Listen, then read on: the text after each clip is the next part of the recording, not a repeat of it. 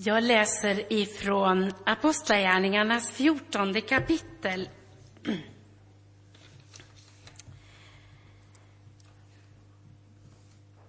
Eh, en bit in i eh, vers 15. Vi kommer med ett gott budskap till er. Ni ska omvända er från dessa maktlösa gudar till den levande guden som har gjort himmel och jord och hav och allt vad de rymmer.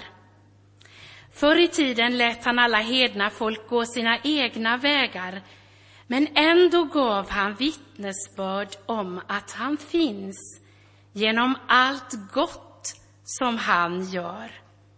Från himlen har han gett er regn och skördetider. Han har mättat er och fyllt era hjärtan med glädje. Förra söndagen så handlade predikan om att vi tror på en Gud som möter oss som, som en Gud över oss, som skapare, som fader. En Gud som är med oss, som medmänniska, som vår bror Jesus, som också är vår befriare. Vi tror på en Gud som är också i oss, som helig ande, som hjälpare, livgivare, vägledare. Det får konsekvenser för vår tro och vårt liv om vi inte har tillgång till att liksom möta Gud i alla tre dessa dimensioner. Det får konsekvenser för mitt personliga liv, min tro, sätten att uttrycka och leva ut den. Och det får konsekvenser för kyrkans, församlingens liv. Då förra söndagen hade jag några bilder där tron på Gud som skapare var målat i grönt fält. Tron på Jesus, överlåtelsen till honom, var målad i rött och livet i den heliga Andens kraft och hjälp var målat i blått. Och jag tror att det är viktigt att fundera över var är jag mest hemmastad? Och var har jag kanske som mest kvar att upptäcka? Kanske en mark som är nästan helt outforskad. Vi kan också fundera över var vi är mest hemma som församling. Vad är det vi behöver fördjupa för att inte ge en för begränsad bild av Gud? Det här är en slags inledning och lite återkoppling till förra söndagen. Idag i den här gudstjänsten och förkunnelsen så rör vi oss mest i det, för att använda den där bilden, det gröna fältet. Det är inte hela sanningen om Gud, men det är en viktig del.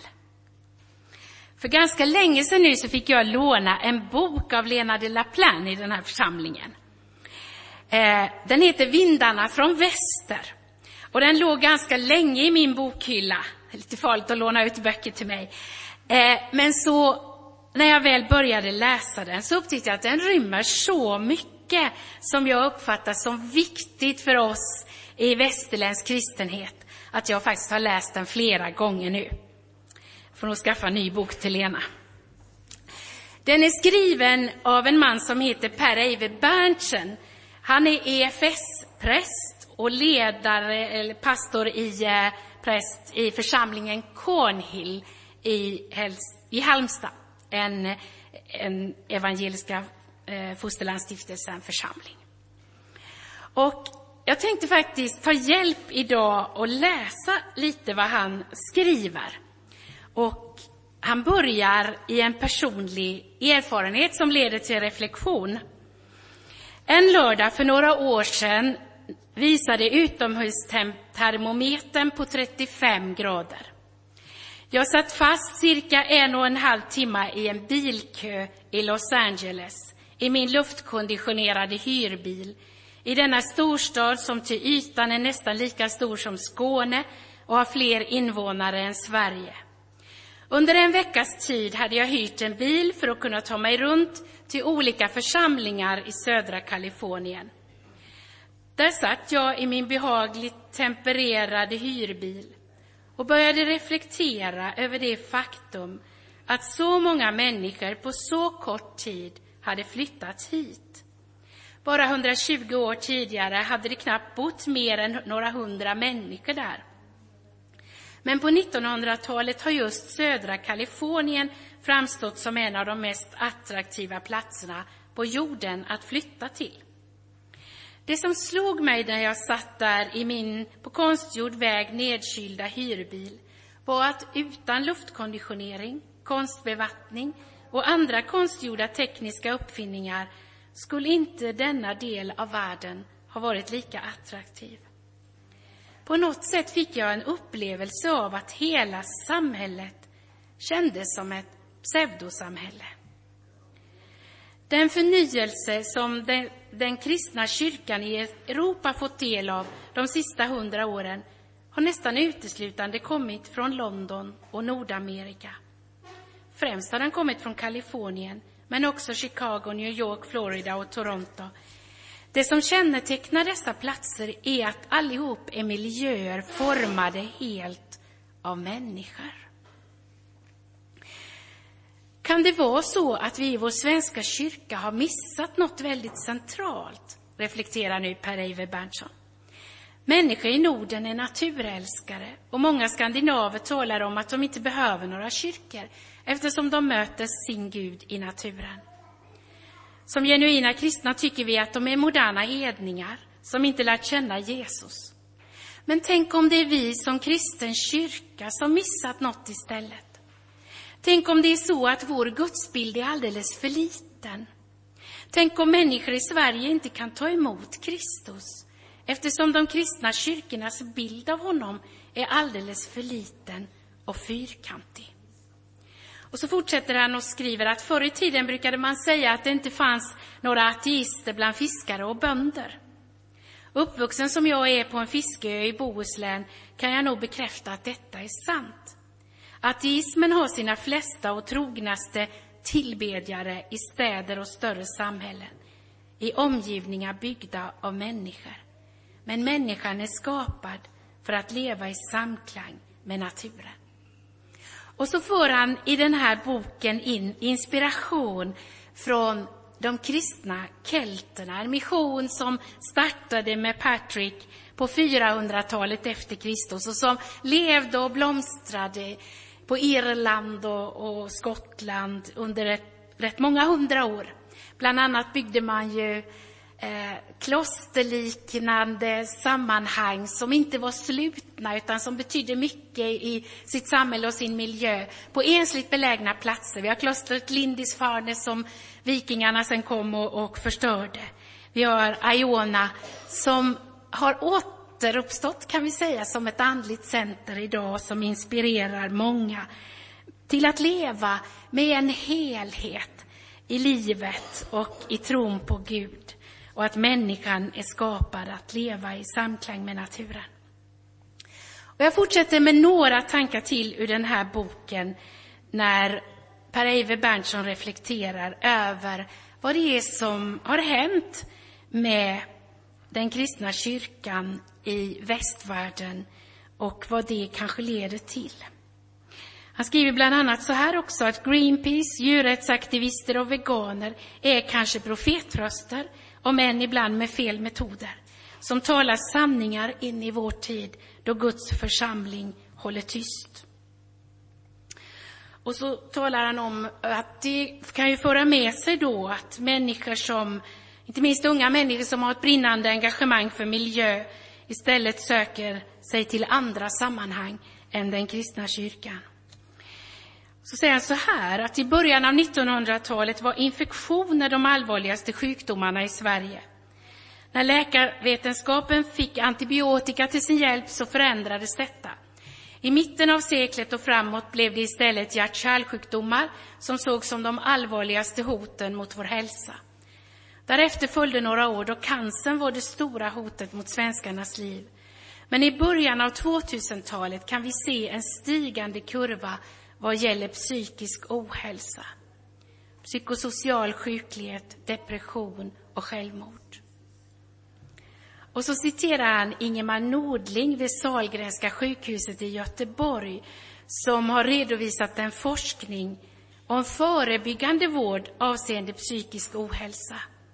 Hans resultat visar på att det finns olika saker en människa kan göra som påverkar hennes psykiska hälsa i positiv riktning. Den viktigaste aktiviteten en människa själv kan bidra med för att förebygga psykisk ohälsa är att vistas ute i naturen. Speciellt motion i naturen har en positiv effekt på den psykiska hälsan. Han rekommenderar därför promenader, svampplockning, segling, jakt, fiske, ridning, men också trädgårdsarbete. Den aktivitet som var näst bäst i förebyggande syfte var att umgås med djur.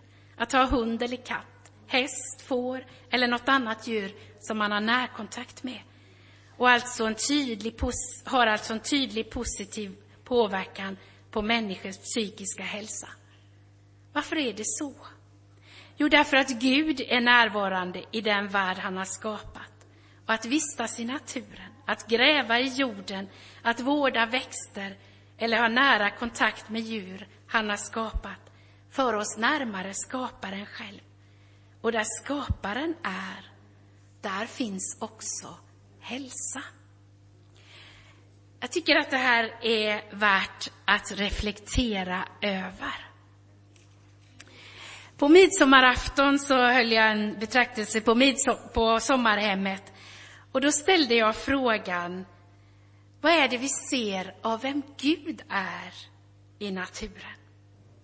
Jag tänker att det är en fråga som är värd att reflektera över. Och vi kan ju samtala med varandra, gärna eh, om den. Vad är det vi, vi ser och upptäcker eh, i naturen?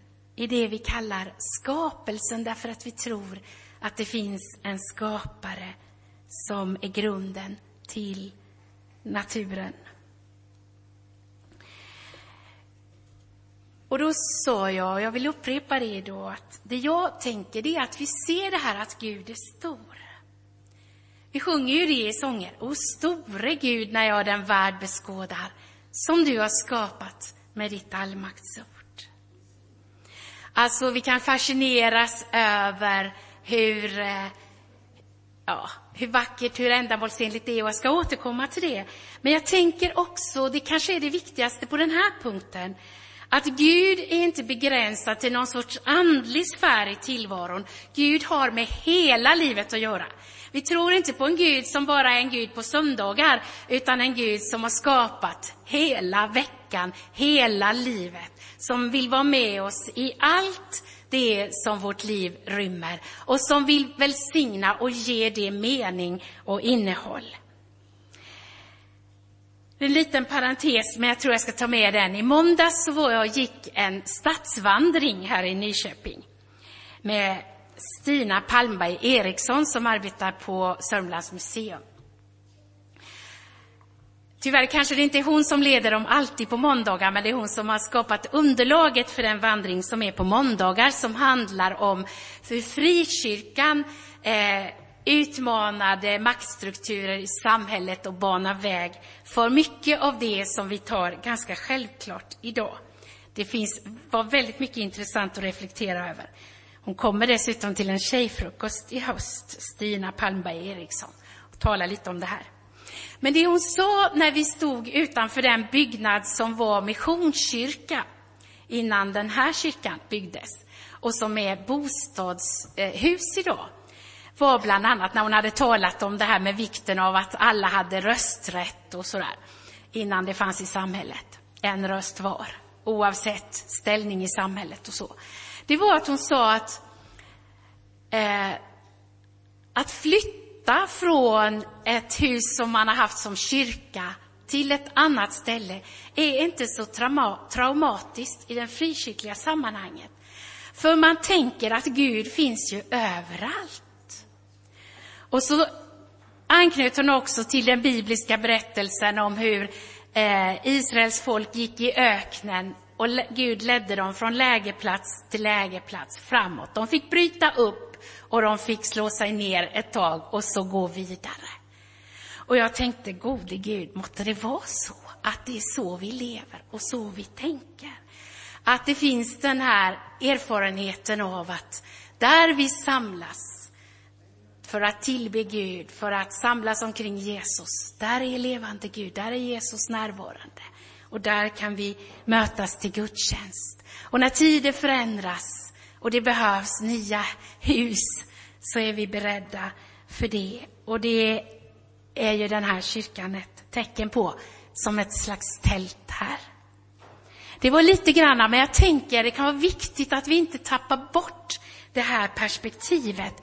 Gud bor inte i hus som är gjorda av människohand, står det i Bibeln. Han finns här också, men inte bara inom kyrkans väggar. Att Gud är alla människors skapare säger ju också någonting om att det finns en anknytningspunkt till Gud i varje människa.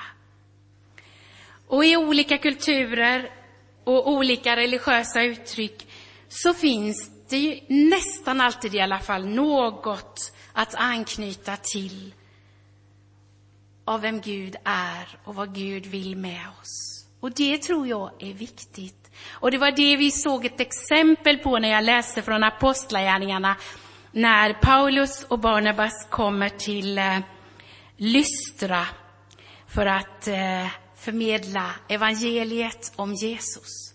Så startar de i detta att vi alla är skapade av Gud. Och det är inte några Eh, ska se här, vad var det det stod? Eh, ni ska omvända er från dessa maktlösa gudar. Det var så att folket trodde när de hade fått se ett under ske. Det var en man som var lam ända från födseln som får, får hjälp och kan börja gå när eh, Petrus och Barnabas eh, förkunnar om, om evangeliet. Och då tror folk där att de här Eh, Paulus och Barnabas att de är, är Zeus och Hermes som har kommit, alltså gudar. Men då säger de nej, nej, vi är människor som ni. Men vi kommer för att tala om att vi kan få leva i gemenskap med i relation med levande Gud. Den som har gjort himmel och jord och allt vad de rymmer. Och här tror jag finns eh, någonting för oss att reflektera över också när vi ska eh, försöka dela vad evangeliet handlar om också i vår kultur. Eh, att knyta an till det som finns av Guds märke liksom i oss alla. Eh, jag ska säga någonting mer också om att, eh, att det vi kan se av Gud i naturen, det är ju att Gud är vishet. Och det han gör liksom återspeglar hans vishet. Jag tror att vi behöver öva förundran. Ju mer vi liksom sätter oss in i olika delar. Jag sa det på midsommarafton, jag hade en pappa som var biodlare. Han, han var ute mycket i naturen på andra sätt också. Men just det här med bina, eh, det tog mer och mer av hans intresse och fascination. Så han sa när han fyllde 80, får jag leva några år till, då ska jag ägna dem åt bina. Han, han struntade inte i oss andra som fanns omkring. Men han slutade med en del, hel del andra saker. Eh, och, och liksom höra honom berätta om bisamhällets uppbyggnad, hur de liksom dansar för att visa väg var man ska hitta nektar och honung och, och allt det här. Helt otroligt. Ju mer man fick lära sig, ju mer fascinerande blir det. Och så är det ju på väldigt många olika områden. Sen vill jag också säga, även om det inte är fokus i min predikan idag, så går det naturligtvis inte att gå förbi att Bibeln berättar att skapelsen inte längre är hel och fri på det sätt som Gud har tänkt och format den till från början. Och det gäller också i hög grad för oss människor. Eh, det kommer sådana här varroakvalster och annat och dödar bisamhällena och allt det där vackra. Och vi, det här, det finns, Bibelns sätt att säga detta till oss, det är att människans val att gå vår egen väg, att ta livet i egna händer istället för att, att ta det ur Guds hand och leva i det samspel som Gud har tänkt. Då faller skapelsens fina väv sönder. Och vi ser det hela tiden. det som berättas i Bibelns tredje kapitel och som präglar historien sedan dess. Men det är viktigt att komma ihåg att det är inte så från början. Det finns två kapitel allra först i Bibeln och det är viktigt som talar om hur Gud har skapat det från början, hur Gud har tänkt. Och Bibeln rymmer ett starkt hopp om att en dag ska skapelsen befrias ur sitt slaveri under tomhetens välde. Som Paulus uttrycker det i Romarbrevets åttonde kapitel. Läs gärna det. För detta hopp, eh, det behöver vi Jesus för att ta del av. Vi ser det inte ute i naturen. Vi kan ju se att Gud liksom låter det bli en ny vår och nytt liv bryter fram. Men det där starka hoppet om att en gång ska det visa sig att Jesu död och uppståndelse har betydelse för hela skapelsen.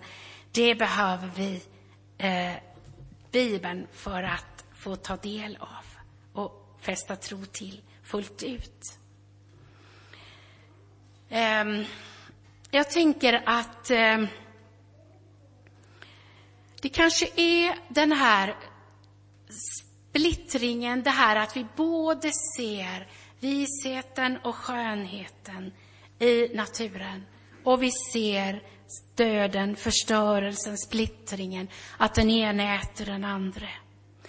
Det kan vara det som gör att vetenskapsmän som sysslar med kosmologi, med fysik och matematik, där man liksom särskilt ser ordningen, den fina balansen, ofta har en gudstro. Medan de som ägnar sig åt biologi och psykologi ofta avvisar tron på någon Gud.